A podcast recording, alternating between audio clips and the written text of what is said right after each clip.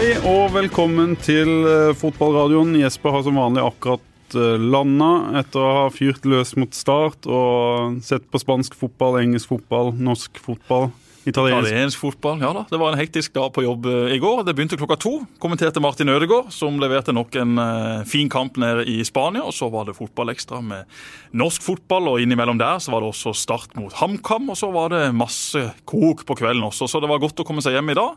En liten tur til Spania i morgen, sammen med min gode venn Roy Manuelsen og et par andre, da. Så uh, da skal, Da skal vi ned og? Slapp av. Nei, men vi har jo kjøpt spanske rettigheter. Og jeg så at en av sjefene mine i TV 2 ringte meg nå for et halvt minutt siden.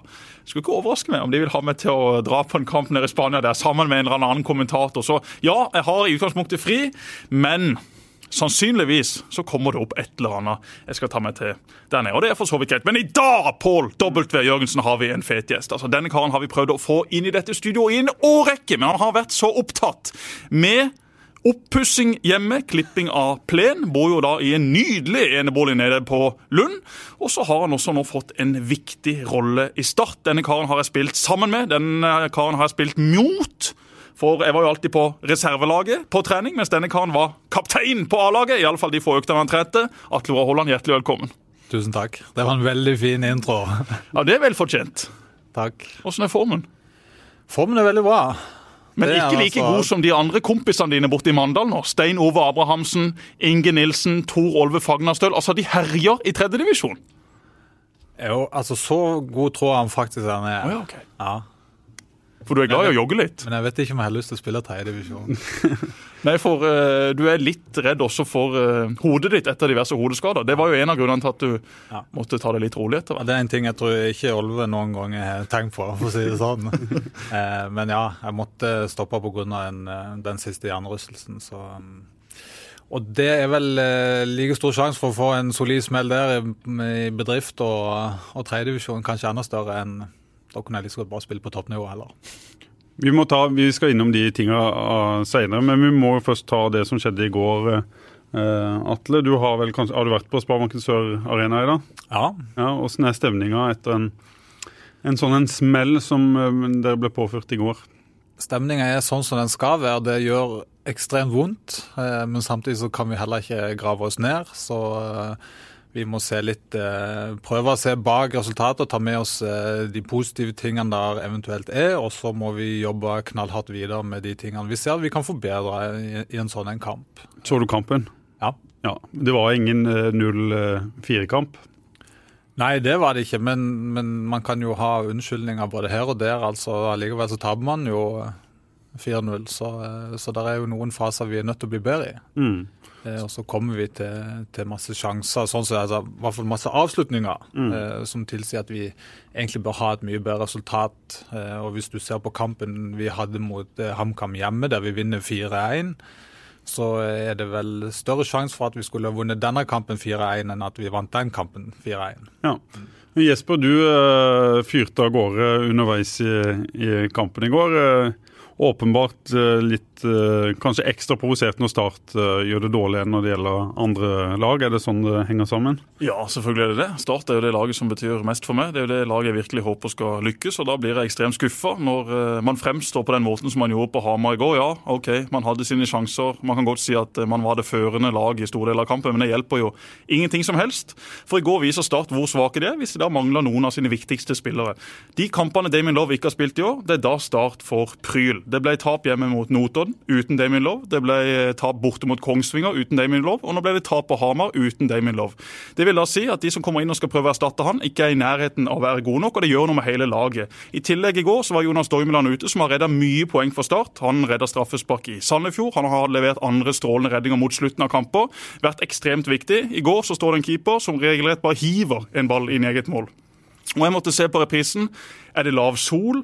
Er det et eller annet som har kommet i veien her? Men det var det jo ikke. Det var rett og slett bare ekstremt dårlig timing fra en keeper som ikke har stått veldig mye på dette nivået, og det så du enkelt og greit i går. Så det er jo det som skuffer meg, at ikke dette laget, da, selv om de mangler noen av sine beste, har spillere eller kvalitet nok til å håndtere dette. Og det gjør meg også i tvil på de gjenværende kampene. For de fire neste kampene de er synes jeg, atskillig tøffere for Start enn det de er for Sandefjord. Og Der kan fort nå opprykket ryke. Det var jo Guds lykke at Guds venner fra Koffa faktisk klarte å skåre to mål mot slutten av denne kampen mot Sandefjord, for da lever de jo fortsatt. Hadde man nå et tre poeng bak Sandefjord, i tillegg da hatt betydelig dårlig målforskjell, da hadde det vært fare på ferde virkelig rundt dette her opprykket. Og dette er jo et opprykk vi har sittet og snakka om nå i flere uker, i flere måneder. Ok, Start er det lag som har momentum, Start er det lag som sprudler. Men i de siste kampene så har prestasjonene vært dalende.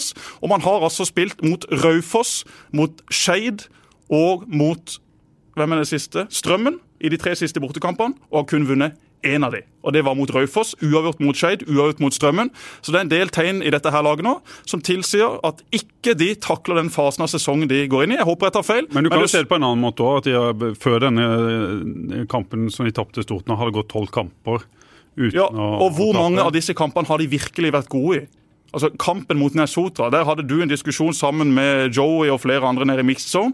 Og jeg skal ikke eh, si at noen av dere hadde 100% rett, det var nok en mellomting som var det riktige svaret. Men Nesotra spilte altså en forferdelig kamp inn i egen boks, og de ga bort to mål. Start var det førende laget. Dette var ikke det startlaget vi så for et par måneder siden. Da dominerte Start, da sprudla de offensivt. Da var det flere av disse offensive spillerne som vi vet har kvaliteter på sitt beste, som bare avgjorde kampen. Du satt bare og venta på. Nå skal Aron Sigurdsson dra seg inn i banen og legge den ballen i lengste. Nå skal Kevin Cabran gjøre et eller annet genialt. Nå skal da Bringaker eller nå Ramsland altså Når skal de begynne å levere igjen. Det begynner å haste. Er dere prega av situasjonen, eh, Atle? Er det presset som eh, begynner å bli for stort? Nei, det tror jeg absolutt ikke. Eh, og så tror jeg, sånn som på den offensive delen, så er det, det er små marginer som, eh, som skal klaffe, og det, det tror jeg kan komme allerede til lørdag. Ja. Men det blir selvfølgelig et fokus man er nødt til å ha inn mot, eh, mot neste kamp. Altså hvordan kan vi klare å få mer ut av det offensive. Og så må du ha spillere som elsker disse kampene. altså På høsten, spillere må rykke opp eller ikke. altså Det må jo trigge spillerne. Og Det er jo det igjen da, som gjør meg litt i tvil. Hvis du så avslutninga av 2018-sesongen Start var altså en total fiasko i de siste kampene. Det var ingen spillere der som virkelig heva stemmen, som gikk fram med brystkassa og sa vet du hva, vi skal være en del av Eliteserien neste år også. Hvis det samme skjer nå, så kan vi bare glemme at Start rykker opp. Da blir det Sandefjord som kommer til å seile opp sammen med Ålesund igjen. Jeg håper virkelig jeg tar feil. Mangler dere ledere der nede, Atle? Nei, Jeg syns de har vist nå at, eh, at vi har eh, profiler som har stått fram, eh, absolutt, i løpet av sesongen og gjennom tolv kamper uten tap. Og så tenker jeg sånn så må de vise nå gjennom de neste seks kampene at det Jesper sier er feil. Mm. Eh, Det tror jeg det er mange av de som har lyst til å vise. Vi må håpe på det, Jesper. Du ga det. Jeg håper hele mitt hjerte på La vi, det. det, la vi den Det er min lov. Ja. Han har kun vært med på ett tap i år. Det var borte mot Sandnes Ulf. Og Damien Love har sine kamper hvor han er litt variabel osv., men han gjør noe med de du møter. Ja. Han gjør noe med de du spiller sammen med. Så vinner han jo duellen inne i 16-meteren. Han vinner dueller, og han har en presence, de som det fint heter på eh, det språket de snakker bort i Storbritannia. Så Damien Love, det blir ekstremt viktig nå at han faktisk ikke får gult og rødt kort i annenhver kamp. Mm. Vi trenger Damien Love for start i avgjørelsen av sesongen, for da blir sjansene langt bedre for å rykke opp. Og så lenge da ikke Atle vil gjøre comeback, og ikke jeg kan gjøre comeback, så blir det opp til jamaicaneren og faktisk ta ansvar i de bakre rekka. Vi lar den ligge med start og den kampen på eh, søndag. Og så minner vi på om at det er kamp på lørdag klokka halv fire. Er det det? Mot Sandnes Ulf eh, hjemme, eller er det tre, kanskje? Ja, Det er tre-halv fire-tida iallfall. Tre-halv fire-tida. Ja, lørdag ettermiddag. Ja. Den skal jeg se fra Spania. Det blir. Kom, kom i to-tida, så er du eh, Ja. sikker på at du får med deg alt. Ikke sant? Ja. Så får du en bra plass Får også. Men bare, bare for å ta de neste kampene, da. Ja, Nå sa jo jeg at eh, det var et tøffere program for Start, og da sitter det sikkert noen der hjemme som ikke kan terminlista på rams. To gøye kamper nå, da. Start Ulf. Den er da på lørdag 15.30. 15.30 er det avspark. Kom i god tid. Så er det da Jerv Start lørdagen etter. 5. oktober. 15.30 det også. To fine lørdagskamper her nå. Og så er det da Start hjemme mot Koffa, og så er det Ålesund Start før da sesongen avsluttes i november. Hjemme mot Kisa og borte mot Notodden. Så de fire neste kampene Ulf de har heva seg i det siste. Jeg tror Start vinner den kampen ganske greit på eget kunstgress. Og så er det Jerv. Er det noen som har lyst til å ødelegge dette opprykket for Jerv, så sitter det en god gjeng ja, for Start. Ja, Jerv er ikke i nærheten av opprykk eh, sånn som det ser ut nå, i alle fall. Men da er det den gjengen i Jerv. altså Det kommer til å være den store cupfina- cupfinalen for de denne sesongen. Og Start har jo historisk sett gjort det ganske greit mot Jerv, Mm. men eh, vi vet alle at det kan bli en eh, tøff nøtt å knekke der borte.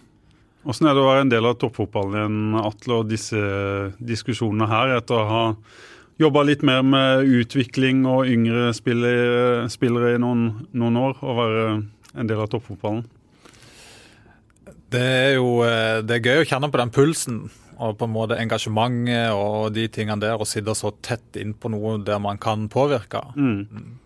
Men det, det, tar jo det tar ekstremt mye tid og energi og, også. Det gjør det helt klart. Ja, For du legger ned mye tid i den jobben din? Ja, helt klart. Jeg har snakka med noen som også er på arenaen der. og det er ikke så lett å bli kvitt det. Du vandrer rundt i de gangene når du sitter inne på det kontoret. Hva sier hun hjemme? Er hun innforstått med at det er sånn det er å jobbe i en fotballklubb? Eh, ja, hun har jo sett det nå, i hvert fall. Ja, for før var du jo spiller, da var det jo veldig greie dager. Ja, det var annerledes. Altså Når du spiller, så går du egentlig bare med sånn et mentalt press på deg hele tida, og at du har på en måte mye fritid, men lite frihet. Eh, mens, eh, mens, når du jobber i, i setupet rundt laget, så er det jo klart at da er det jo mye mer tid som òg skal legges ned. Og man blir egentlig aldri Man har egentlig aldri fri i, i, en, i en toppklubb. Operativ leder for, for, sport, fortell litt hva liksom, jobben din eh, innebærer. Først, er det den daglige, først og fremst er det den daglige driften eh, på Sparebanken Sør Arena i forhold til det som har med sport å gjøre. Eh, så handler det veldig mye om å knytte sammen disse to avdelingene som kanskje har vært litt for mye for seg mm. eh, før min tid. Eh, utviklingsavdelinga og A-laget. Og du har, du har, hatt en viktig rolle med å sy sammen sånn det ser ut nå også? Ja, i hvert fall sånn som det begynner å se ut. Det, det har jeg jo. Absolutt. Så og da er det spillere fra 16 til den eldste ja, i A-stallen? 15 til den eldste i A-stallen. Hvor mange spillere har dere i, i starten nå? Eh, 75, mellom 75 og 80 spillere har vi. Og så er vi en ja, mellom 15 og 20 ansatte på sport i litt forskjellige brøkstillinger. Mm. Ja. Du, eh, i utgangspunktet eh, har du permisjon ennå fra Agder fotballkrets, eller er du nå fast inn i, i Start? Og ser du, Hvordan ser du fremtida di i, i klubben? Jeg har permisjon to år, eh, så jeg har eh, ett år igjen av den. Mm. Er det noe du har lyst til å, å fortsette med? Være med og, å prege Sørlandets eh, flaggskip? Jeg tror ikke så kring, kringkaster var akkurat Altså, jeg har to fantastiske jobber sånn sett, eh, som, som, gir veldig mye på forskjellige plan. Eh, og så har jeg ikke tenkt så veldig mye videre på hvor veien går etter, etter de to første årene ennå. Fortell litt om han eh, Jesper, når du først ble kjent med han gjennom eh, fotballen.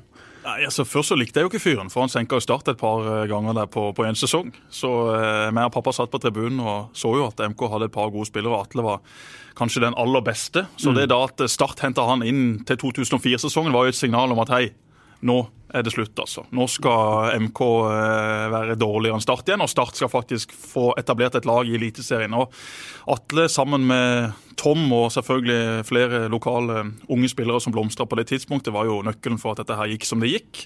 Så jeg begynte jo å trene egentlig med A-laget rett rundt da Atle kom inn i klubben. og vi hadde mye fine treninger eh, mot hverandre eh, sammen. og og Atle tok seg liksom av meg med en gang. Han ga meg beskjed om hvor lista måtte ligge. og Et par treninger hvor jeg virkelig var god, så fikk jeg beskjed om at uh, her skal lista ligge hver eneste dag. Og så var det jo enkelte treninger hvor jeg mista hodet totalt, og da prøvde Atle da på en litt sånn rolig, rolig måte, sånn som de snakker borte i Kvinesdal, og sier at Jesper, sånn kan du faktisk ikke oppføre deg. Og eh, den ene historien jeg husker var ute på Dønnestad. Da var det 11 mot 11, og da var jo Atle og co. selvfølgelig da på det beste laget, og vi var jo da det vi kalte Løvenstad. Det var alltid det som var reservelaget, og da var det om å gjøre å vinne. Altså, det var blodig alvor. Og da kom Jon eh, Midtun Lie ned mot linja, så skulle Jon da slå inn i feltet, og så var jeg selvfølgelig for sein hjem hjem til å forsvare egen boks. så Jeg kom litt på halvdistanse. Jeg var jo på 20 meter, så jeg ropte bare 45! Og Jon Midtunli han slo 45, og der sto jeg der fra motstanderlaget. 'Takk skal du ha', sa jeg, Jon. Og så begynte jeg å løpe oppover, og da fikk jeg så ørene flagra av Mr. Haaland i etterkant. For her skulle laget da ha sin siste økt før morgendagens kamp. Og så kom jeg da og bare skulle kødde og ødelegge det de prøvde å øve på. Så eh, Atle var en kar jeg hadde veldig stor sansen for som spiller, og på mange måter et forbilde etter hvert som jeg ble midtstopper. For jeg prøvde jo å spille midtstopper i alle fall litt på samme måte som Atle. Jeg sklitakla nok litt mer, og så tok jeg nok eh, kanskje også litt mer risiko. Var ikke like rask, så jeg måtte prøve å være nesten like smart som det Atle var. Så Atle er en Atle en bra mann. altså Vi hadde det, vi hadde det veldig moro på den tida der. Og også da etter hvert som han eh, begynte å legge skoene eh, godt opp på hylla, etter et par gode år i Danmark, så ble det jo snakk om at eh, Starta trengte en kar til å erstatte pappa som sportsdirektør. og mm.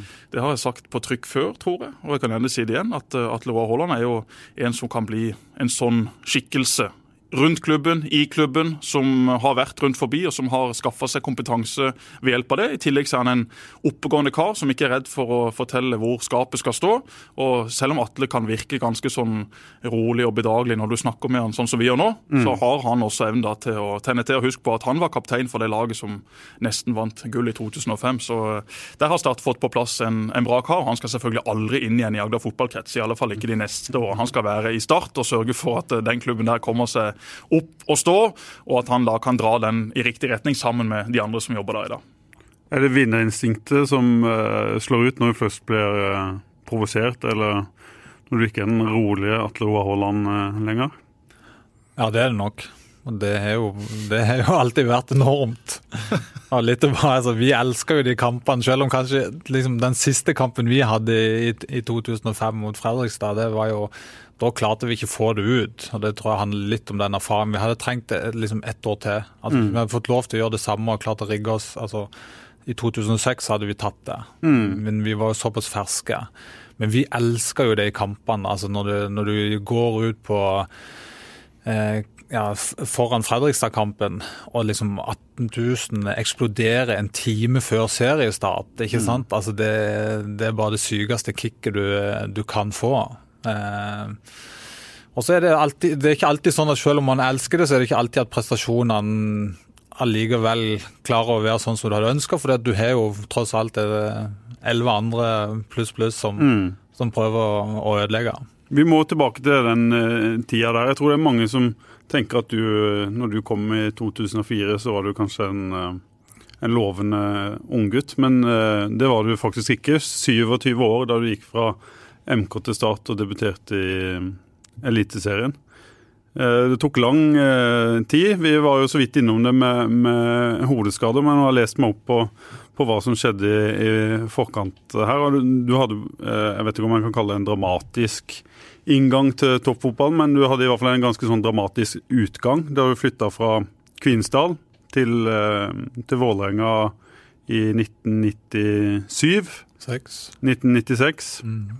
Tenk hvor koselig å kjøre gjennom Kvinesdal før, altså. Berntsen er en god, den der butikken der. Jøss, så mye billig ræl de hadde der. Vi stoppa og vi kjøpte popkorn til mikrobølgeovnen. Og vi kjøpte en hel haug av plastikkting som vi sikkert aldri brukte igjen. Men det var så koselig å gå inn der. Det var jo en butikk som var i et hus over to etasjer. Så handla vi der. Så kjørte vi da videre mot Skudeneshavn. Kjørte 50 meter. Så var det inn til høyre. Der lå Esso-stasjonen. Og så var det bare ei og to og tre pølser. Og så var det bare av gårde. Så Kvinesdal, ei fin lita bygd. Sorry, Pål. Ja, men eh, hva, hva, slags eh, fotballbakgrunn hadde du da, eh, før, eh, før du var ferdig med, med videregående? Spilte du på A-laget til Kvinesdal, eller det hadde vært vanskelig å finne info? Han husker det ikke sjøl heller? eller? Jo, akkurat det, akkurat det der klarer jeg. Det, man glemmer jo ikke de gamle tingene. Det glemmer man aldri. Uh, nei, jeg spilte på Kvinesdal, ja. Uh, var, var, en del av, Sono krets, uh, sånn sett. I de første årene der, som 13 og 14, ble eh, var jo faktisk eh, litt uenig i hvordan ting skulle være rundt, eh, rundt sånne lag. Så det at da endte det med at jeg ikke møtte opp på, på kretslagstrening. og da... Hvorfor det? Nei, jeg, jeg tror det var, det var, noe med treneren som ikke jeg var fornøyd med. sånn. Eh, Allerede da, altså? Ja, og da, og da ble jeg tatt vekk fra sone og, og kretsgruppen. Selv om du egentlig var god nok? Ja, jeg tror nok det. Og så sto jeg egentlig ut forbi eh, sånn sett resten av den tida. Eh, Men nå begynte du å spille A-lagsfotball? Uh, begynte da jeg var 16 år. Egentlig, altså når jeg var 16 år, så bestemte jeg meg for at jeg skulle leve av dette. Mm. Men det var egentlig ikke før det. Hadde alltid en sånn en drøm og en interesse og trente ekstremt mye um, på Løkka. Men da jeg var 16 år, så bestemte jeg meg for at uh, dette skal jeg leve av. Hva gjorde du da? Hvilke konsekvenser fikk det for, for Alt i forhold til hvordan jeg trente. Eh, ja. At de, de, Vennene mine lo litt av meg at jeg ikke hadde sommerjobb og, og sånne ting. Men da eh, valgte jeg heller å trene to ganger til dagen om sommeren, og, og brukte ikke penger. Eh, og hadde, liksom hadde ikke det eh. Og Kvinesdal var tredjedivisjonslag eller fjerdedivisjonslag? Kvinesdal var tredjedivisjon i den tida, men det er vel eh, ja, Jeg husker ikke helt hvordan de systemene er akkurat nå. Det var jo kanskje fjerde i den tida, ikke Ja, sant? Men ja. det har blitt noe, ja. Hvem andre fra holdt på å si, MK-gjengen er det som er fra Kvinesdal? Er det noen av de? Tor Henning? Hamre? Tor Henning Hamre. han, er han på samme alder som deg? Spilte du Ja, han han er to år yngre. Han har jo, meg og han har jo på en måte trent sammen siden vi var små. Eh, Det er ikke noen andre sånn sett som var veldig markant i MK. som ikke... Jeg husker noen Flora Tallinn-supportere som hører på denne podkasten. Og Tor Henning Hamre er altså den karen som skåra 40 mål hver eneste sesong så lenge han var nede i Estland og herja på. Og var også i, i Vålerenga en uh, liten periode. Det var altså Ja. etter du eh, Det var etter meg. Var det? Ja. Mm. Men uh, ikke midtstopper på den uh, tida? Nei, da var jeg sentral midtbanespiller. Av og til spiss. Eh, ja. Og så, eh, når jeg begynte på A-laget, så var jeg nok nede en del som uh, sweeper. Den gode gammeldagse sweeperen hadde vi, som var jo på en måte min uh, Passer det fint? Ja, det er jo helt klart min ønske, ønskeposisjon, uten tvil. Så hvis det hadde fortsatt, så hadde nok det blitt på en måte min, min posisjon framover. Ja, Ned og hente ballen hos keeper og, Ja. og styre det oppbyggende spillet. Så spilte jeg i A-laget i to og et halvt år, og eh, da kom det jo til at jeg skulle studere. Da hadde jeg lyst til å gå på Universitetet i Oslo, på Blindern, på eh, informatikk. Og så eh, Hvordan kom Vålerenga på banen? Informatikk? Det eh, hørtes tungt ut, altså. Var det interessant? Nei. Nei. Det var Ikke noe du vil anbefale til Nei, altså det, det, det var jo ikke den utdannelsen jeg endte med, så et eller annet skjedde jo på, på veien, for å si det sånn. Det var veldig, veldig mye matte og alt mulig. Men Vålerenga? Jeg skrev faktisk Jeg var jo i loopen til start og var med på noen sånne eh, talentturer. Jeg husker til Danmark et eller annet. Meg og Karisma og Roger og hele denne gjengen. Jeg tror til og med det var noen Alexander Aas og litt sånn forskjellig. Det var noen fra Skiensområdet òg. Morten Knutsen er vel like gammel som eh, Ja, det. kan være at han òg var med. Ja. Jeg husker ikke alle navn. Eh, Men, eh, men det ble aldri noe med Start, egentlig. De hadde sine spillere og sine spillere. De prioriterte akkurat det. Så jeg skrev, jeg skrev faktisk til, til Vålerenga og Lyn, til deres juniorlag, om, om om Var det et håndskrevet brev, eller? ja, eller om det var på maskin, det tar jeg ikke til, altså, men et eller annet. Eh, og da fikk jeg faktisk, altså da skrev jeg til juniorlagene, da fikk jeg faktisk oppringning både av Vidar Davidsen og eh, Hallgeir Saunes, tror jeg trente Lyn, Og vi hadde lyst til å komme og trene med dem. Og da, da gjorde jeg det, og så eh, Trent med begge laga? ja. Så fant jeg ganske fort ut at, eh, at jeg likte meg veldig godt i Vålerenga. Det, det er banen. en, det er en, en spesiell klubb. Mm. Eh, så da, eh, og da fikk jeg forespe, altså, ble forespeilet at hvis du kommer inn her på juniorlag nå, så vil du være i loopen til A-laget med nesten med i gang. Og der var det en god juniorspiller til, har jeg skjønt. Jon Carew. Ja, han, han ble henta i 97. Han var ikke, han var ikke kommet ennå da. Mm. Og så ble du tatt opp i avstanden til, til Vålerenga ja, første vinter. to, tre måneder etterpå så får, fikk, jeg, eh, fikk jeg kontrakt med, med A-laget til Vålerenga, som vel rykka ned den 96, eh, men som skulle rette opp igjen. Mm. Ja. Da, da ble bl.a. Knut Henry Haraldsen henta ifra Start, tror jeg. Mm. Ja. Og du fikk en del eh, spilletid, var med på treningskamper, var med på treningsleirer. ja. Ja. Og så smalt det. Og så smalt det. En kraftig hjernerystelse. En, en albue inn i, i øyet som gjorde noe med øyet mitt som Ja, at det kom ut av stilling og det var noen ting. Men, men den legen som var i Holland, vi var på treningsleir der, den klarte ikke å, å se at det var, var noe galt, så jeg trente videre. Og gjorde på en måte Jeg var så ung og hadde ikke lyst til å når man kjemper for en plass og man vet på en måte at du kommer til å få spilletid, du kommer til å få muligheter her, eh, så, så skal det ganske mye til for at man eh, for at man gir seg, og når, når doktoren ikke heller sier noe. Så kom vi hjem til Norge, og da så jo klubblegen på meg, og så sier han bare oi. At det liksom, Den ene pupillen din er bitte liten, og den andre er gigantisk. Så liksom, her er det fare på ferde. Ja. Og så eh, var det ro, og etterpå jeg, jeg, klar, jeg kom meg aldri egentlig Så lenge jeg var i Vålerenga, så kom jeg meg aldri etter den eh, skaden der. Eh, Rett og slett eh, hodepine stort sett hver dag i lang, lang tid. Ja. Når jeg var i fysisk aktivitet, så jeg begynte jo på en måte altså Opptreninga mi varte jo egentlig fra 1.4.97 til eh, 1.1.2000, når jeg var tilbake i MK. 2001. Mm. Ja. Du gikk tre år uten å, å spille en eneste Nei, så begynte jeg jo Så fikk, ble jeg operert i 98 ble jeg operert i øyet. Eh, og da begynte jeg å spille igjen. Gikk jeg tilbake på utlandet til Kvinesdal.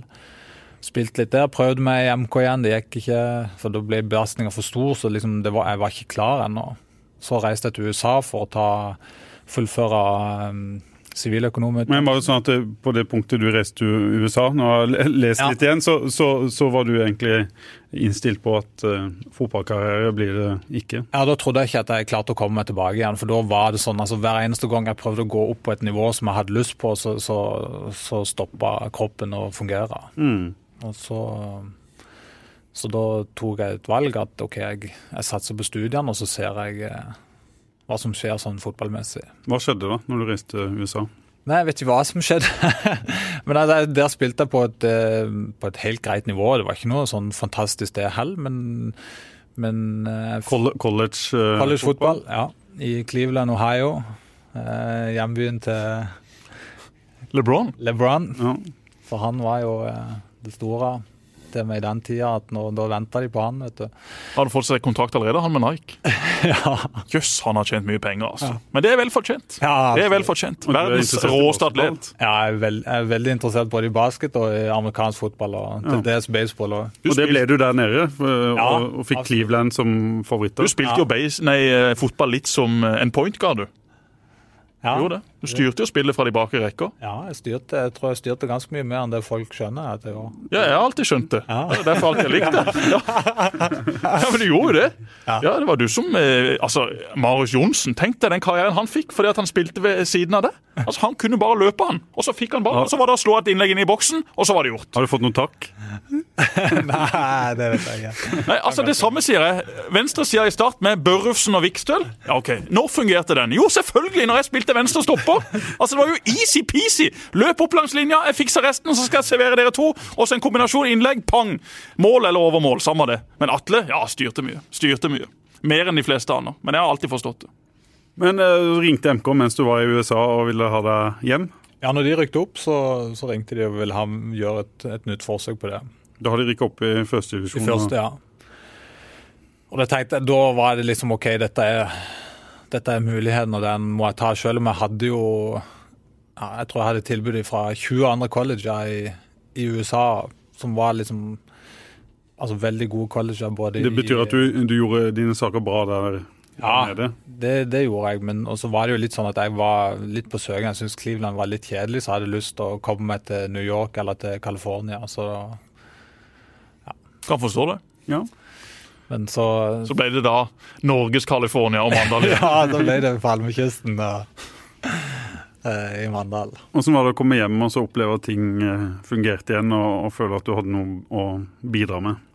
Det var fantastisk, det var det. Men, men man, man kjenner jo alltid på det der liksom at hva, hva gikk man glipp av de tre årene? For det, det er liksom tre ekstremt sentrale år eh, som, som kunne gjort eh, veldig mye for, for utviklinga mi, helt klart. Men se, kan du også se på det eh, som at hvis det ikke hadde skjedd, at du hadde mista noe? Det er jo noen som, som får skader, som får noen sånne aha-opplevelser, og, og kanskje en kamplyst som, eh, som en ikke får hvis en ikke opplever motkamp. Man lærer helt sikkert noe av det, men sånn karrieremessig så hadde det vært mye bedre for meg, tror jeg, å spille uh, førstedivisjon for Vålerenga i 2090 og, Mm. og vinne cupgull enn enn å Mm. enn å sitte på liksom, ikke sant, altså Det jeg fikk beskjed fra doktoren, var jo liksom altså du bør, du bør ikke spille mer, for du bør tenke på at du skal fungere i det vanlige livet Mm. framover. Var det et råd du fikk seinere òg, eller når du var frisk, så var det du var da. Og så når jeg da gikk, eh, så hadde jeg jo valg om å ta på en måte forsikringspengene og, eh, og liksom bare si that's it. Eh, men det gjorde jeg ikke. Gode penger? Ja, det var veldig gode penger på en enorm eh, forsikring som NISO hadde da. Ja, For sånn er det ikke nå lenger. Nei. Det er ikke like god forsikring Nei. nå som det var for I den 20 år siden. var, var det Hva, hva snakker vi om? Millionbeløp, eller? Ja. ja. Milliardbeløp. Nei, men det var, det var store beløp. Men jeg, da hadde jeg ikke jeg liksom, Selv om jeg ja, var litt langt vekk, så hadde jeg ikke, jeg hadde ikke lyst til å gi opp den, den drømmen. det hadde jeg ikke. Men 2004, vi må jo snakke om etter at han kom til, til Start også. Men Ja. før det så må vi ta 2003. For da kom altså mandalittene i båter fra Mandal og skulle angripe Start. Og. MK rundspilte Start. Altså Henrik Nyhus. Han skåra nå både fem og seks og syv mål i den ene kampen, minnes jeg i alle fall. Det må ha vært stort for deg da som OK, du er ikke født i Mandal, men det var jo på mange måter MK som, som var ditt mest lokale lag, da, de som var litt oppover i systemet. Ja. Den ene sida av familien min kommer faktisk, faktisk fra Mandal, så sånn sett så var det Men, det er det greit. men eh, jo Det er jo alltid sånn at når man, liksom, når man er på Sørlandet og ikke spiller i Start, så er, jo liksom, så er jo Start den man kriger mot. Eh, så, så selvfølgelig så var det enorm Ja, men også var stemning, stemninga i garderoben, på feltet, altså i miljøet, før disse kampene mot Start. Ja, Vi hadde jo eh, veldig stor tro på at vi kunne, kunne slå dem. og det var liksom, Treneren vår var jo veldig offensiv òg i forhold til det. ikke sant, At vi slår eh, Svein Hansen. Ni av ti ganger, var det ja, han sa. ja, Legendarisk fyr, altså. For en mann. Bror til Tore Hansen, da, som dømmer Eliteserien i dag. Og Svein var ekstremt flink til å klare å få å formidle den troa, da. Eh, og, og sette på en måte ting i system i forhold til hans filosofi. Eh, Og så hadde dere jo et bedre lag enn Start på den tida også. ja, vi hadde i hvert fall spillere som presterte eh, veldig bra eh, akkurat der og da. Hvordan husker du de eh, kampene? Det var jo tre, tre seire på et år. To i serien og én i cupen. 0-3 på Kristiansand stadion. Den husker jeg, den husker jeg godt. Jeg husker godt cupkampene, men den, den andre, den, det var kanskje den første, sikkert den husker jeg ikke så godt. Jeg husker bare best den 0-3. altså. Ja, Fryktelige minner. Du har vel fortalt Jesper at dere reiste dere, du og din far, og gikk. Ja, han gikk, og da måtte jeg følge med, for jeg satt jo på med fyren. Så, så da forlot vi stadion eh, 25 minutter før slutt, og det var, ja, det var pinlig. Det var, det var. Jeg var jo med og trente med, med A-laget. Jeg husker jo liksom siste treninga før den kampen. liksom. Det var ikke måte på hvor bank MK skulle få. Altså, nå skulle skapet settes på plass! Nå skulle Start igjen uh, gjenreise seg. Og han der Henrik Nyhus, han som har vært i Start, og som da aldri var sånn sett god nok til å komme seg inn på A-laget til Start, han skulle i alle fall stoppes! Og så var det bare det totalt motsatte som skjedde dagen etter. Traff forresten Henrik Nyhus her om dagen. Han kjørte forbi huset mitt og vinka, så jeg får sende en eh, hilsen til mister Nyhus. hvis han en lillebror som uh, spiller i Vindbjart. Har han det, ja? Ja, Hvem? han heter Markus og er vel en 20-åring som skårer noen mål der oppe. Ja, ok. Så det er da Henrik Eh, Kristoffer, er han lillebror? Nei, han er, Han er noe familiært. ja, Det kan være. Ja, ja. Han er blitt blogger, han. Kristoffer Nus. Men uh, du snakka litt om, om forhold til Start når du spiller i andre klubber som, som MK. Gjorde det det vanskelig for deg når Start kom på banen og, og sier ja, vi, vi tror at det ikke ble veldig godt uh, mottatt borti, borti Mandal når Start på samme nivå kom og, og skulle hente MKs beste spiller?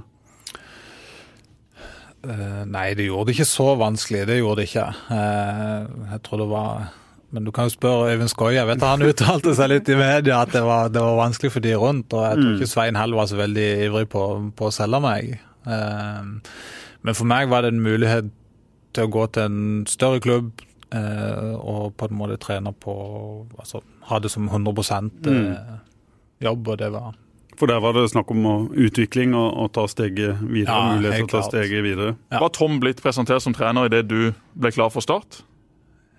Og Du kom jo da et... første signeringa til Tom, var det ikke det? Ja. Du kom jo etter sesongen 2003, og da var Tom klar, og så ble du klar. Ja. Da var jeg nede med videokamera, og intervjua Atle og, og Tom nede i, i starthallen Akkurat. når han ble presentert. Det var tiår. Starthallen, altså. Jøss. Yes. Savna den. Pål har jo faktisk litt av æren for at jeg fikk nummer ti. Å ja. Ja. Det var et spørsmål om faktisk, Jeg vet ikke hvem som stilte det spørsmålet, men det var noen som stilte spørsmål hvilket nummer skal du spille med. Ja. jeg, det vet jeg ikke. Så. Er ikke, ti nummer, er ikke nummer ti ledig? Så fikk du dem. ja.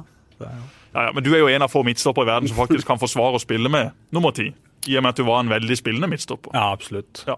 Men hva, tenk, hva tenkte du, Da var du jo blitt 27 år, som vi var, var, var inne på. Tenkte du at, at nå kom- 26, var jeg ja, 26, ja, ja, Kanskje du var 27 når du debuterte i Det Jeg ble 27 år etter. Nei, jeg ble 27 på sommeren. da. Ja. Men du spilte ikke Eliteserien i hvert fall før du var 27. Men tenkte du da at nå var du kommet til et nivå du hørte eh, hjemme på, eller tenkte du enda videre? Nei, jeg tenkte videre. Men eh, Ja, Det første året, 2004, da var jeg 26, ja. ikke Mm, sant? Så da, mm. da spilte vi jo eh, samme som, som MK. Eh, 2005 eh, Jeg syns vi tok det nivået veldig Egentlig veldig enkelt. Men var det Altså- overraskende for deg at det gikk så enkelt? Nei, det var ikke så overraskende. Det var det ikke. Vi hadde, vi hadde på en måte en feeling på det tror jeg, gjennom hele 2004-sesongen og i oppkjøringa òg, at, at dette, dette eh, hadde vi kontroll på sånn sett. Mm. Men at det gikk så bra med laget, det var kanskje en, en større Ja, at vi skulle blande oss inn helt opp i toppen, det var jo selvfølgelig en, en overraskelse. Det var det.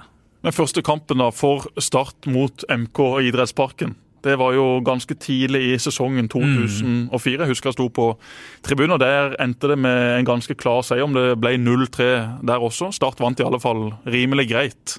Et par mål av Kristoffer Hestad, så vidt jeg husker. Doffen skåra to, tror jeg. Ja, sånne ting husker Nei, ikke heller. Er Men jeg tror han iallfall skåra et par. Vi sier det. Doffen skåra to. Sterk kamp av Doffen. Men hvordan føltes det, da? For det må jo ha vært ekstremt spesielt eh, for deg, bare måneder etter at du faktisk da hadde forlatt den klubben som hadde på mange måter fått deg opp og stå igjen.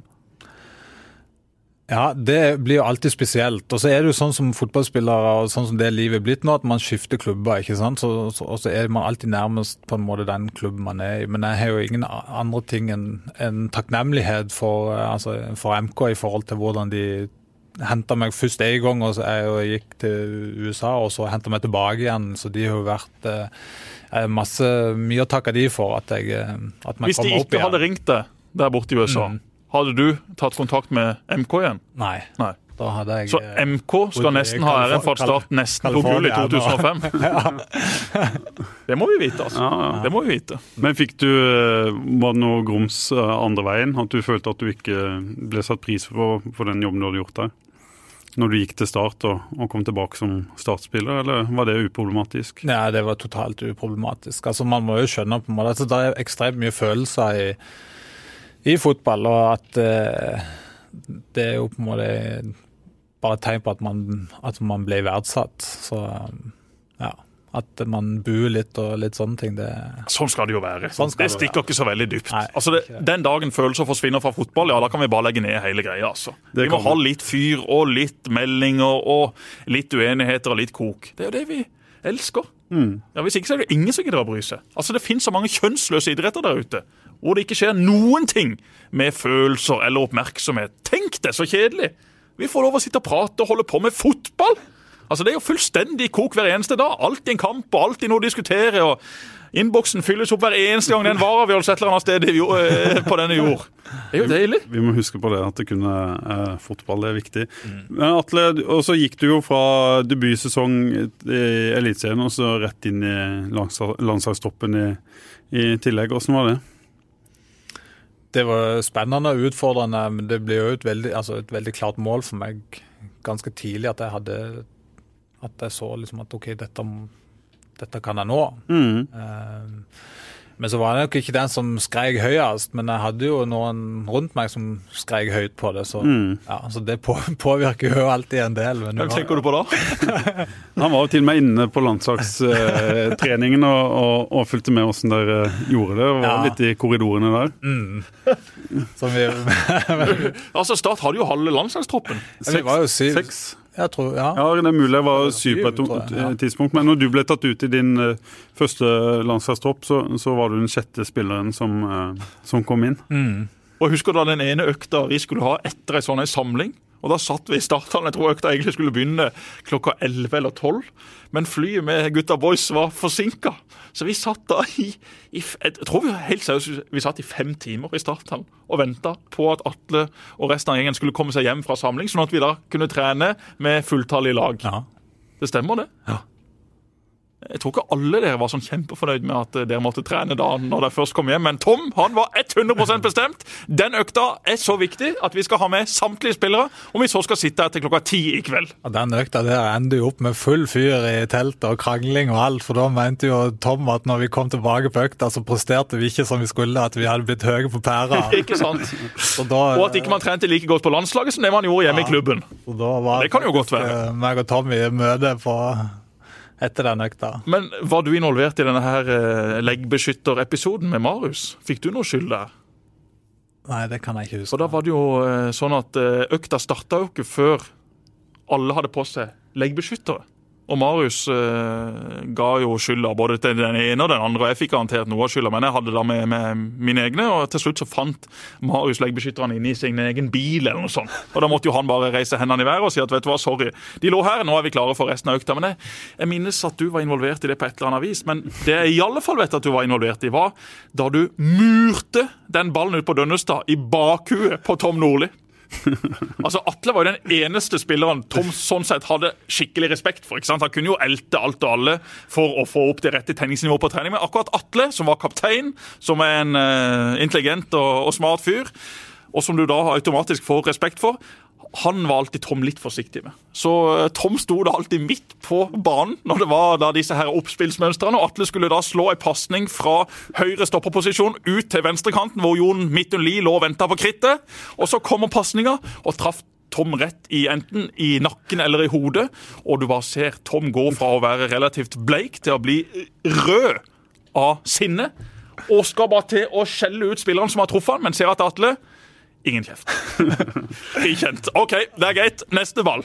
Stemmer det, Atle, at du, at du slapp lett unna? Ja, akkurat, akkurat den slapp jeg lett unna. Da snudde han seg og så for seg at han skulle ta en eller annen, og så stoppa han. For Doffen, både Doffen og Lars Marten har prøvd på det samme, og det, det fikk en litt annen utgang. Det tror jeg på. Men slapp du, slapp du litt uh, billigere unna fordi du var den du var? Det må du nesten spørre uh, Tom om. Men hva føler du sjøl, da? Unna? De hadde jo garantert tøffe diskusjoner på bakom osv. Men akkurat på feltet så var jo han kaptein, og da er det jo naturlig at ikke du står og tar de høy, mest høylytte diskusjonene med han. Meg og Tom hadde mange diskusjoner både på telefon og på bakrommet, som du sier, i forhold til forskjellige ting, så vi tok de der, og så Men er du litt sånn opportunist av, av type? At du at du tar ting hvis det er noe som du føler ikke stemmer? Ja, det er jeg. Og så er jeg nok ikke en sånn som har Røff den kretslagsgreia borti Kvinesdal? Ja, at det var noen ting som ikke stemte som ikke jeg ville være med på. Men jeg er nok eh, ikke så veldig høylytt eksternt, men, eh, men kan nok eh, smelle mye kraftigere med døren eh, internt. Og Så fikk du litt sånn stempel deg, på deg for å ikke trene så mye fordi du sleit med, med småskader. Jesper har tatt opp det mange ganger her, og andre har også tatt, tatt opp. Stempel, det er sannheten, altså. Hva, hva, er, hva, er, sannheten, og hva var status på deg i disse periodene i start? Nei, det kan jo godt være at ikke jeg trente like mye som en del av de andre, men hvis du ser de spillerne, så er det veldig mange spillere med seig muskulatur, ikke sant. Og de er sånn skikkelig gampere, ikke sant. Og så hadde du da meg som var eksplosiv og full fres, og det liksom Jeg klarte ikke de, de samme treningsmengdene. Så, så, jeg var nok Jeg sto nok over i økt her og der, det gjorde jeg nok, men Men var det smart, tenker du nå i ettertid? Jeg burde stått over mye mer ja. i start. Absolutt. Eh, 2006 sesongen så begynte jo på en måte skadene virkelig å melde seg, og, og, og spesielt belastningsskadene. 2007 var jo helt, altså helt sinnssykt i forhold til strekker og alt. alt ja, På deg sjøl? Ja. ja. Så kom jeg til, til et helt annet regime i, i, Danmark. og Hva var forskjellene på de regimene? Du reiste til, til Odense i 2007-sesongen, eller? Midt? 2008. Ja. ja 1. februar. Ja. Der trente de eh, mye mindre, kortere økter, men mye mer intensivt. Ja som, passet, altså, som sto mye mer i stil til hva, hva altså spillet òg, som gikk mye fortere. Eh, I hvert fall periodevis. altså Når det først eksploderer i, liksom i Danmark, altså, så går det mye fortere. Men Mener du en burde trent annerledes f.eks. i Norge, eller var det bare det at det passa deg bedre? Jeg burde trent annerledes. Ja. Det, jeg tror kanskje en del andre òg. Altså, vi hadde jo ekstreme mengder mm. eh, på et tidspunkt i, i start, og det, det er nok ikke sånn liv laga for en som kom inn eh, som 20-åring, f.eks. Mm. Så eh, Du reiste jo etter hvert fra, fra start etter at, uh, at Odense kom på, på banen. og Vi har jo sagt det flere ganger, Jesper, at uh, mange hadde sitt toppnivå i den eh, perioden da Start var gode i, i 2005. Og så har jeg sagt noen ganger at bortsett fra Atle Roar Haaland, som kanskje gikk og spilte på et eh, enda høyere nivå. Eh, følger du med der, Atle? At det nivået du har holdt i, i Danmark mens du spilte i Odense, er det det høyeste nivået du har spilt på? Ja, det er det helt klart. Um, ja, Det høyeste nivået du har spilt på, ja. Men var du bedre i Odense enn du var i 2005? Ja. Fordi Det var jeg. Um... Nei, altså, da var jeg var Kroppen var på en måte fri for uh, problemer. Altså, Så lenge jeg spilte i Start, så var det nesten alltid et eller annet. Jeg var prega av treningsmengden, det var jeg. jeg. fikk den skaden altså Måtte jo opereres for uh, lyskebrokk etter 2005-sesongen.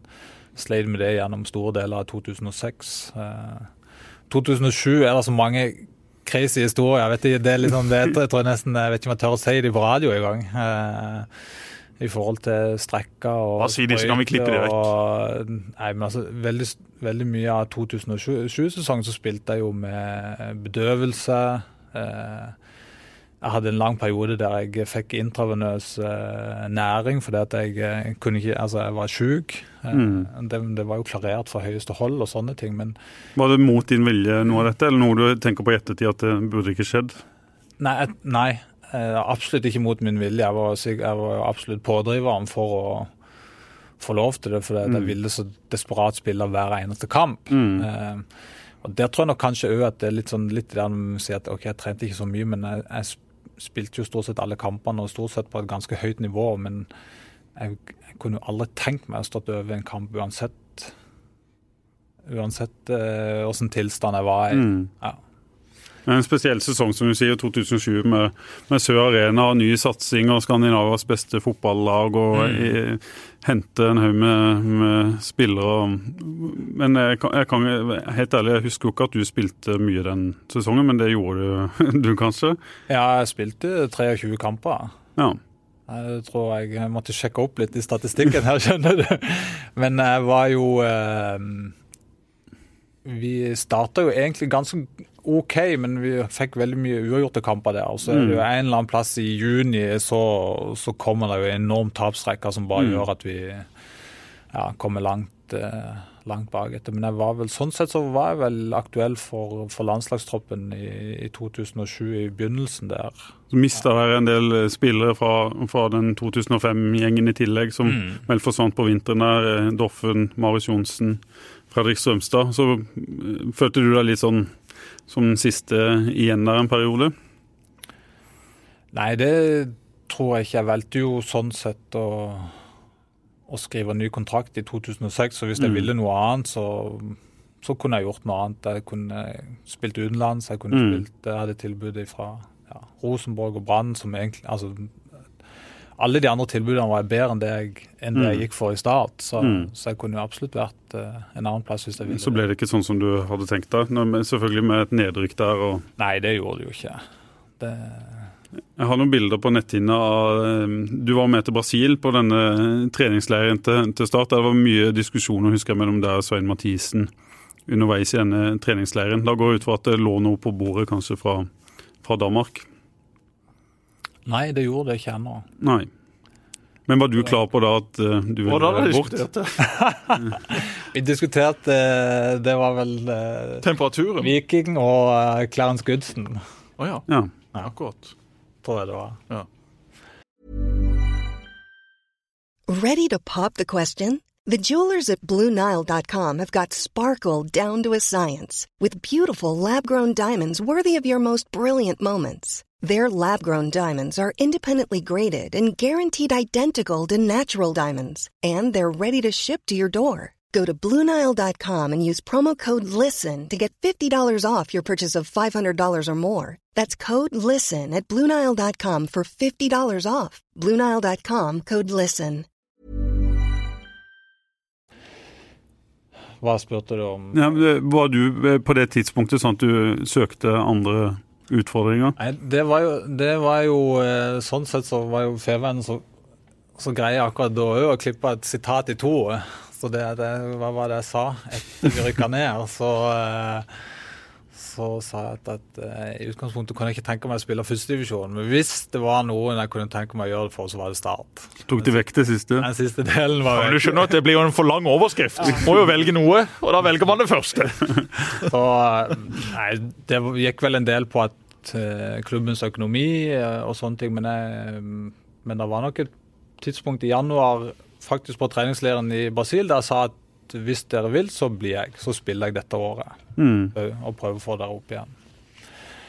Eh, men da var nok økonomien såpass skjør at eh, de hadde lyst til å gjøre noe annet. Og så hadde de sikkert Tenkte de nok litt på om jeg hadde blitt for gammel og så mye skade som jeg hadde, at de var At ikke de klarte å se på en måte at det var de hadde pressa meg så hardt at de hadde pressa meg over streken, Mm. at, og at det kunne på en måte Hva tenkte du sjøl, da?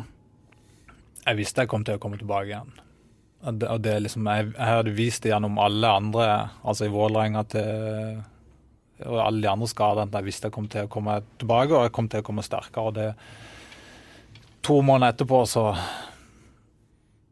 så presterer jeg som en av de beste midtstopperne i Skandinavia. Mm. Som spiller i skandinaviske ligaen. Mm. Og det gjorde jeg egentlig fra der og de neste fire-fem sesongene. Fortell litt om oppholdet i, i, i Odense, der du fikk være med på relativt uh, store ting. Ja, det var relativt, for det blir jo det blir tre sølv. Så sånn sett så var det jo ikke helt, uh, helt perfekt. Men det var uh, et hardtsatsende lag.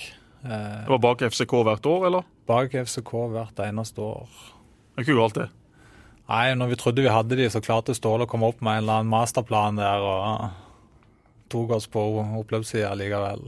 Eh, Men det var jo en, eh, en klubb og en by som egentlig ligner litt på Kristiansand og Start, eh, men som satsa enormt og henta inn gode spillere og ja, hele veien. Roy Carroll. Roy Carroll, Jemba Jemba. Jemba Jemba. Peter Otaka, Jibi Fall, altså du hadde Thomas Helveg, Espen Ruud kom der og etablerte seg på det norske landslaget gjennom, gjennom den veien. Eh, Vi hadde, jeg tror vi På et tidspunkt så var vi jo 14-15 landslagsspillere som spilte altså på landslag. Så vi hadde to, tre, fire på benken hver eneste kamp. Som, Men ikke, ikke der. Eh, nei, jeg var ikke på benken, nei. Nei, du var ikke på landslaget? Eh, jo, jeg kom ganske fort på landslaget. Ja. Ja. Du var med i, i Ja. troppene mens du spilte i Så jeg hadde jo flere um, Det tror jeg bare tok et uh, ja, fire-fem-fire måneder, så var jeg på, på landslaget. Så hadde eh, flere altså flere uttak. Mm, men du fikk aldri spille noe, noe mer enn den ene kampen mot Senegal i, i 2007. Tenker du, eh, Det høres ut som du har ganske god selvtillit på din egen karriere og, og nivået du var på da. At, eh, at du egentlig burde spilt, eller var det sånn at konkurransen var for, for stor? Så, sånn sett så får man ikke mer enn det man fortjener, stort sett. Eh, men jeg konkurrerte nok mot Hangeland. Mm. Og det er liksom av og til så må man jo bare innse at det er noen spillere som, som er bedre enn deg. Mm. Så kunne jo kanskje vi ha spilt de sammen, det er jo en annen ting, men det er jo kanskje en kombinasjon at, vi, at treneren syns at vi var for like typer, Mm. og så valgte noen andre, andre ved siden av. Mm. Så det var Etter vi spilte mot eh, ja, hvilken kvalik, Jeg husker ikke hvilken kvalik det var, men vi spilte mot jeg lurer på om det var Island. Vi skulle, skulle i hvert fall spille mot Skottland og Nederland. Mm. Og Da sa Åge til meg at når vi, før vi reiste liksom fra den første samlingen, sa han når du kommer tilbake, så skal du spille. Og da regnet jeg med at jeg kom til å spille mot, mot Skottland og Nederland. Men da var Vela henta inn, og han, eh, han starta foran meg. Og etterpå det så spilte han vel 40, 40 for han, og så var han uh, going, going strong etter, etter det. altså. Mm. Men eh, jeg skulle gjerne ønske det Kanskje den største kampen i, i mitt liv. eh, det var debuten for landslaget. Jeg skulle gjerne ønske å ha fått flere, men, men samtidig Nede i Dakar, alle ting. Ja, Dakar alle ting. Fortell litt om den opplevelsen. da. Hva gjorde det så, så stort? Nei, men det er bare Altså, det er jo Jeg hadde aldri spilt noen eh, aldersbestemte landskamper eller noe sånn helt før, så det er liksom det å å spille for landet sitt er jo eh, Ja. Hvis man sier Man sier jo ofte at det er én i hver hver Mm. årgang som får lov, det er litt, litt over det, da, men som får lov til det, ikke sant. Så nei, det er bare en stor ære, rett og slett. Kom inn for Hangeland i pausen. Jeg tror det var Hagen og Hangeland ut og meg og Borgersen inn, hvis jeg eh, Hvis det ikke er bomme. Ja. To li ganske like stopperpar, da, når vi ser på spillertyper. Ja. Du er kanskje den eneste fra eh, Kvinesdal som har landskamper for Norge? Uten at jeg har sjekka det. eh, Ja, ja for A-laget, ja. Det vil, jeg, det vil jeg tro. Men det du lærte i eh, Odense, det du lærte av å spille der i, i de sesongene, og du sier jo sjøl at det var et regime som passa deg egentlig ganske mye bedre enn en det du var under i Norge. Hvor mye av det prøver du å få innført i Start? Du kan selvfølgelig gjøre for mye på for kort tid, men hvis vi nå tenker da at eh, Rent hypotetisk at det ikke blir Agder fotballkrets til neste år, men at du skal bli i Start. Hvor mye av dette har du lyst til å innføre? Altså, det er mange ting, og så er det mange ting som er på vei eh, allerede. Eh, og, og mye av det er jo på en måte tankeganger som, som kommer andreplass ifra òg. Eh, men, men det med in, altså enda mer intensive økter, og prøve hele tida å trigge det, det er selvfølgelig, det, det prøvde vi jo på i det med 2005, ikke sant? Det var ganske god kok på en del økter. ja. Men det var jo lange økter. Det var Det var lange, ikke sant? Og så bikker det over i å bli seigt istedenfor det å holde det eksplosivt. og ja. Men jøss så gøy det var med fem mot fem på den tida. Altså. Ja, ja. På Dønnestad, på Kristiansand stadion, La Manga, Marbella var det jo et helt par villøkter på. Det er faktisk det jeg savner mest. altså. Nå har ikke jeg prestert så veldig mye ut på eh, fotballbanen når jeg har på meg startdrakta, men treninga, altså. Det å få lov til å utfolde seg der og krangle og kjefte og smelle og skyte og takle og drible. Altså, for et eventyr det var. For jeg savner det så sinnssykt, altså. Jeg skulle gjort nesten hva som helst om jeg da kunne komme tilbake igjen dit. altså. Så til alle dere som spiller fotball, spill så lenge dere kan. Ja, det er helt klart. Det, det fins ikke, ikke noe bedre jobb. Det kan være, eh, det kan være slitsomt sånn mentalt å skal prestere over lang tid, men, men det fins ikke noe bedre jobb. Men det var jo de fire mot fire-øktene vi hadde med fredagene, Da var du jo ofte med. med, med Vegard. Da var du ofte med. Ja, da var jeg alltid med. Ja, ja. Jeg var alltid klar på fredag. Ja, det var det fredag og søndag. Da var du på ditt beste. Mandag var jeg ikke så god. Nei da, du kom deg, du kom deg kjapt. Ja. Det var gøye økter, altså. Det var konkurranse, Ja, det var helt syk konkurranse, ballen aldri ut av spill med de veggene. Det, så det, og alltid noen klaging på veggene. Og Atle klagde mest. Nei da, han gjorde ikke det. Atle var ikke den som klagde mest. Jeg klagde mest. Men Atle, det, den nye jobben og det du skal, skal gjøre nå Du har jobba med spillerutvikling i, i Agder fotballkrets, også i Start, som utviklingsleder der. Er det det som eh, er din viktigste oppgave, å få opp eh, unge fremadstormende sørlendinger til A-laget? Er det på en måte det som, som trigger deg mest i å lykkes med, med akkurat den biten der Start kanskje ikke har vært så flinke de siste åra? Det er en del av det. Det jeg vil ikke si altså, Det er flere viktige oppgaver i det, men absolutt en, en del av det. Og vi har, eh, vi har hatt noe Altså, vi har jo gode spillere nå, men vi har jo gode spillere som kommer. Hva er nøkkelen for å liksom få frem flere og, og bryte de eh, barrierene og gå gjennom den veggen det kreves for å, for å klare det? Hvis jeg hadde et fasitsvar på det, så hadde jeg sikkert ikke sittet her. Da hadde jeg sittet en helt annen plass i verden, for å si det sånn. Eh, Men, men det handler veldig mye om altså det handler om tålmodighet for utøveren fra, fra den sida. For, for det, det er på en måte det, det tar tid å tilvenne seg det.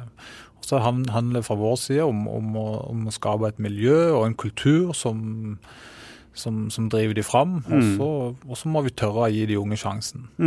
Helt klart. Har Statoil vært for dårlig liksom, til å det, det er jo sikkert situasjonsbetinga.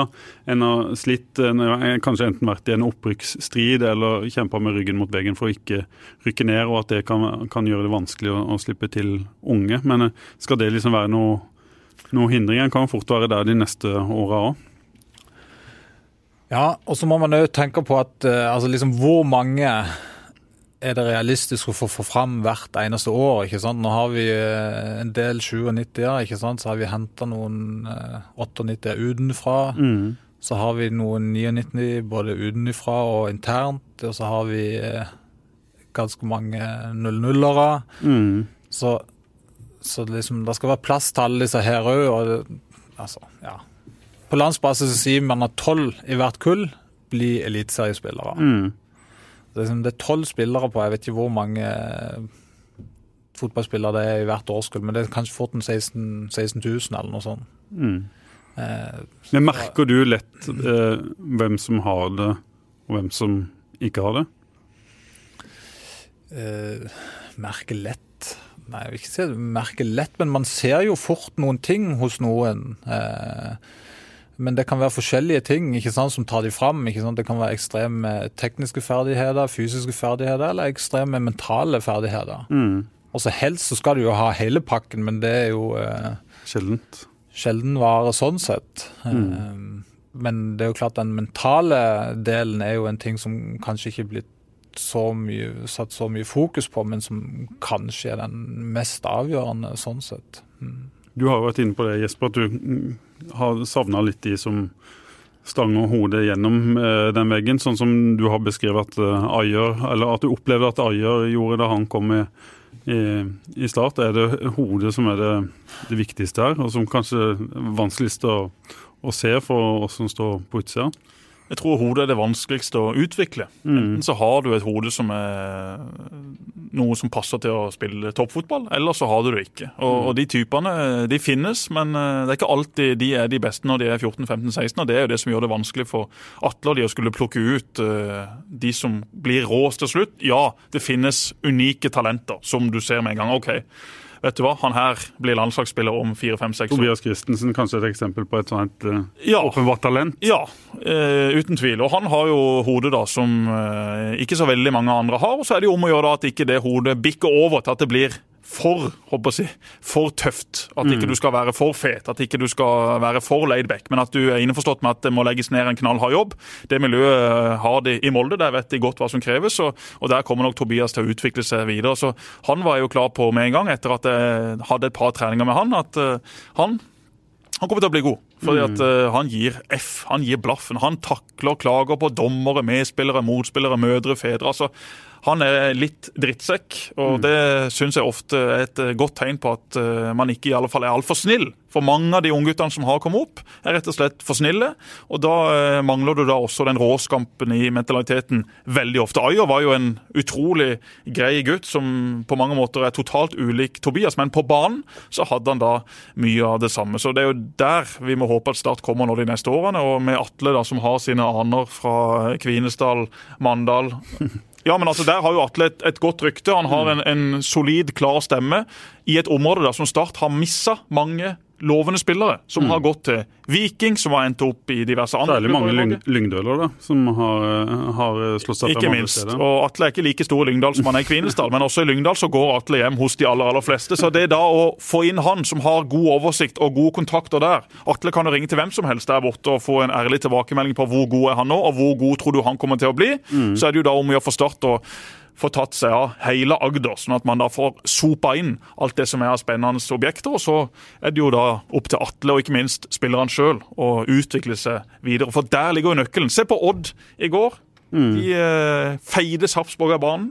De fikk Njaye skada, de hadde Rashani suspendert. Så hadde det da plutselig Filip Delaveri som kom til Skien for han var ung, han ville bli god i fotball. Og nå er han da også begynt å blomstre. Se på Bodø-Glimt, de solgte Evjen for 20 mill.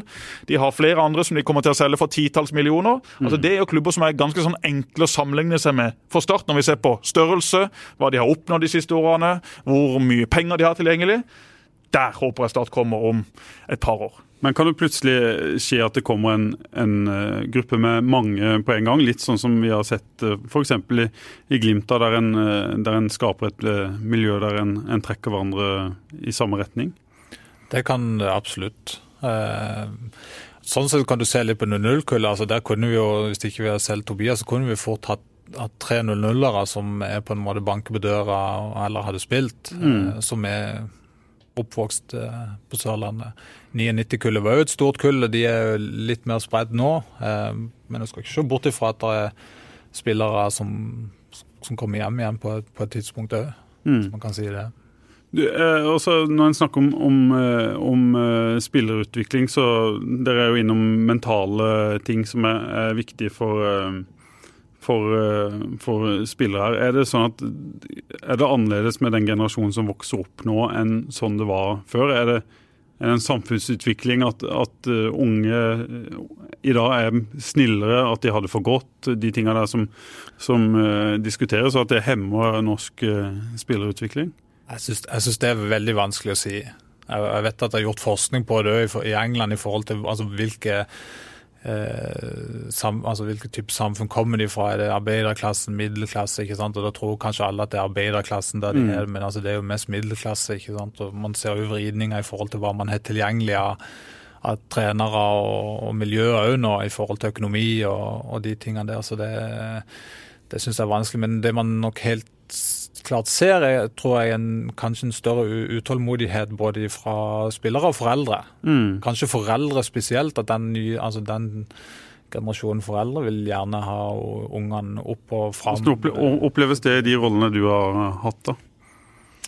Sterkere, altså jeg merker sterkere og sterkere involvering fra foreldrene. Irriterer det deg? Jeg har sittet i denne jobben i, i 10-20 år, altså det har jeg jo ikke heller. ja, men Det var vel litt det samme da du var i kretsen? Der ja, også er det jo mye foreldre. Ja, der var jeg jo fem-seks år. Men Irriterer det deg når det kommer en forelder og sier 'hvorfor er ikke min sønn med'? Eller Vi tror at det er sånne ting som skjer. Det irriterer meg ikke, men jeg tenker jo sjøl altså slapp av, mm. tenker jeg.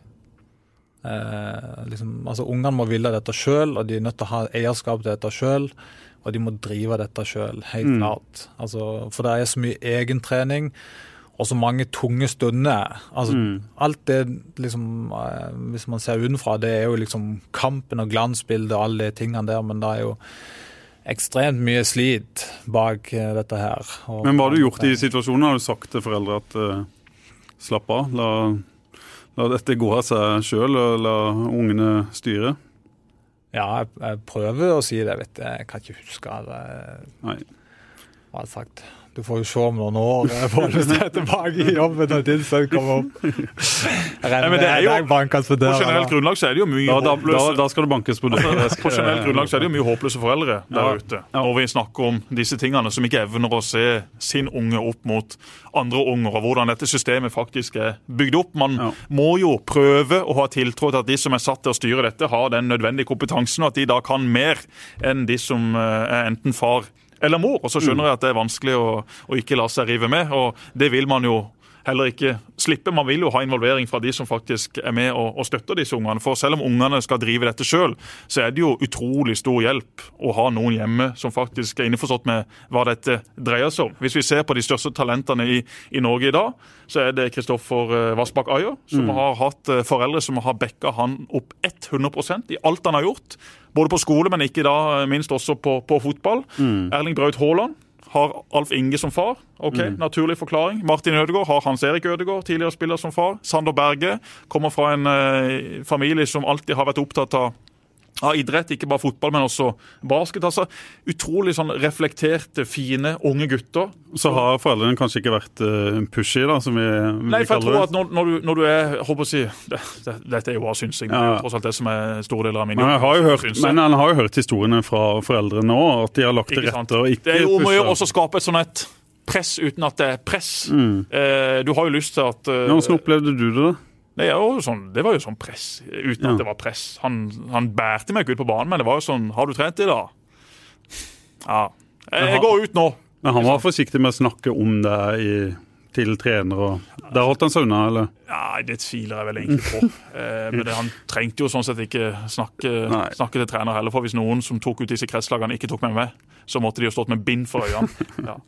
Og gjerne også noe i ørene. Mye selvskryt her i dag, føler jeg. Nei, det er det ikke.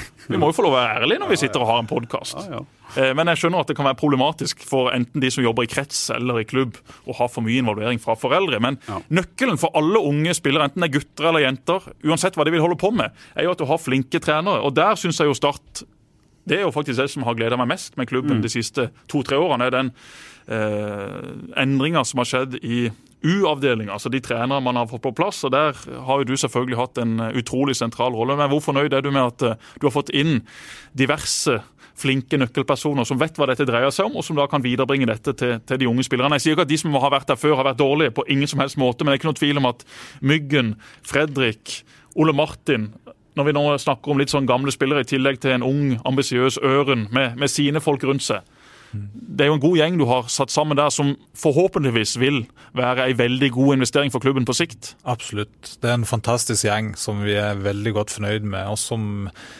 har forskjellige egenskaper. og Det er, liksom, altså, det er forskjellig alder, forskjellige karrierer. Altså Noen har kommet opp den si, den teoretiske veien, mens andre har, har spilt og, og, skaffa seg masse erfaring eh, gjennom det. Så en veldig fin eh, miks. Så, så, handler det om at vi klarer å skape det miljøet og den kulturen i klubben som, som gjør at spilleren trives og kan utvikle seg der, og at, eh, at vi òg lærer de til å, lærer de til å drive sin egen utvikling framover.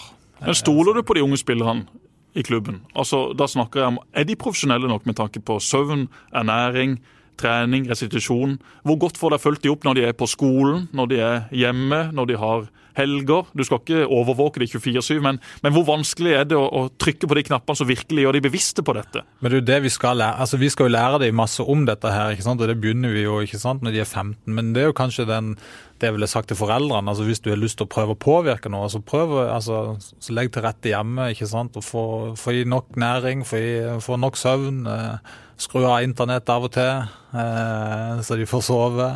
Altså alle de tingene som er rundt. Sørg for at liksom, skolen går fint og mm. ja.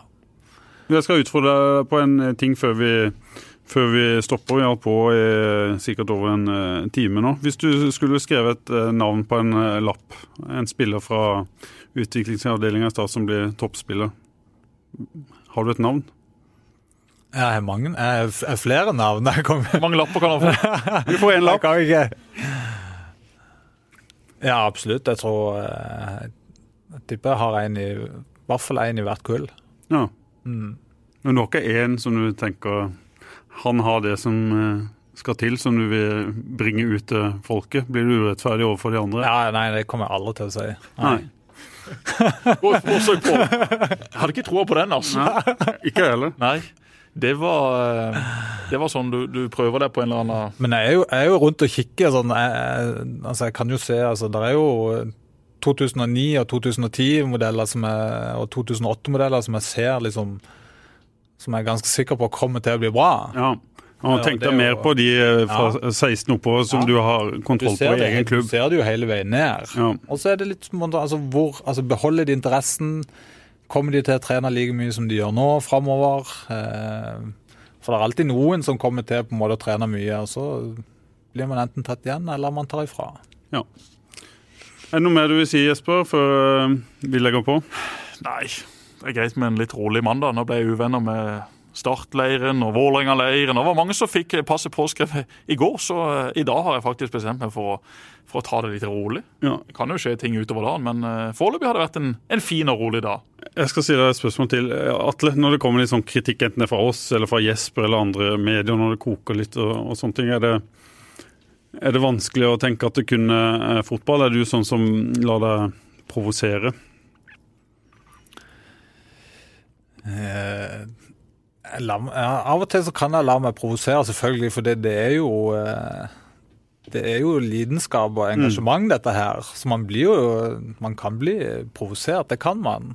Eh, og så har man ikke noe annet Altså Det beste måten vi kan svare på, det er bare å gjøre det enda bedre, så at eh, ingen gidder å kritisere oss for det.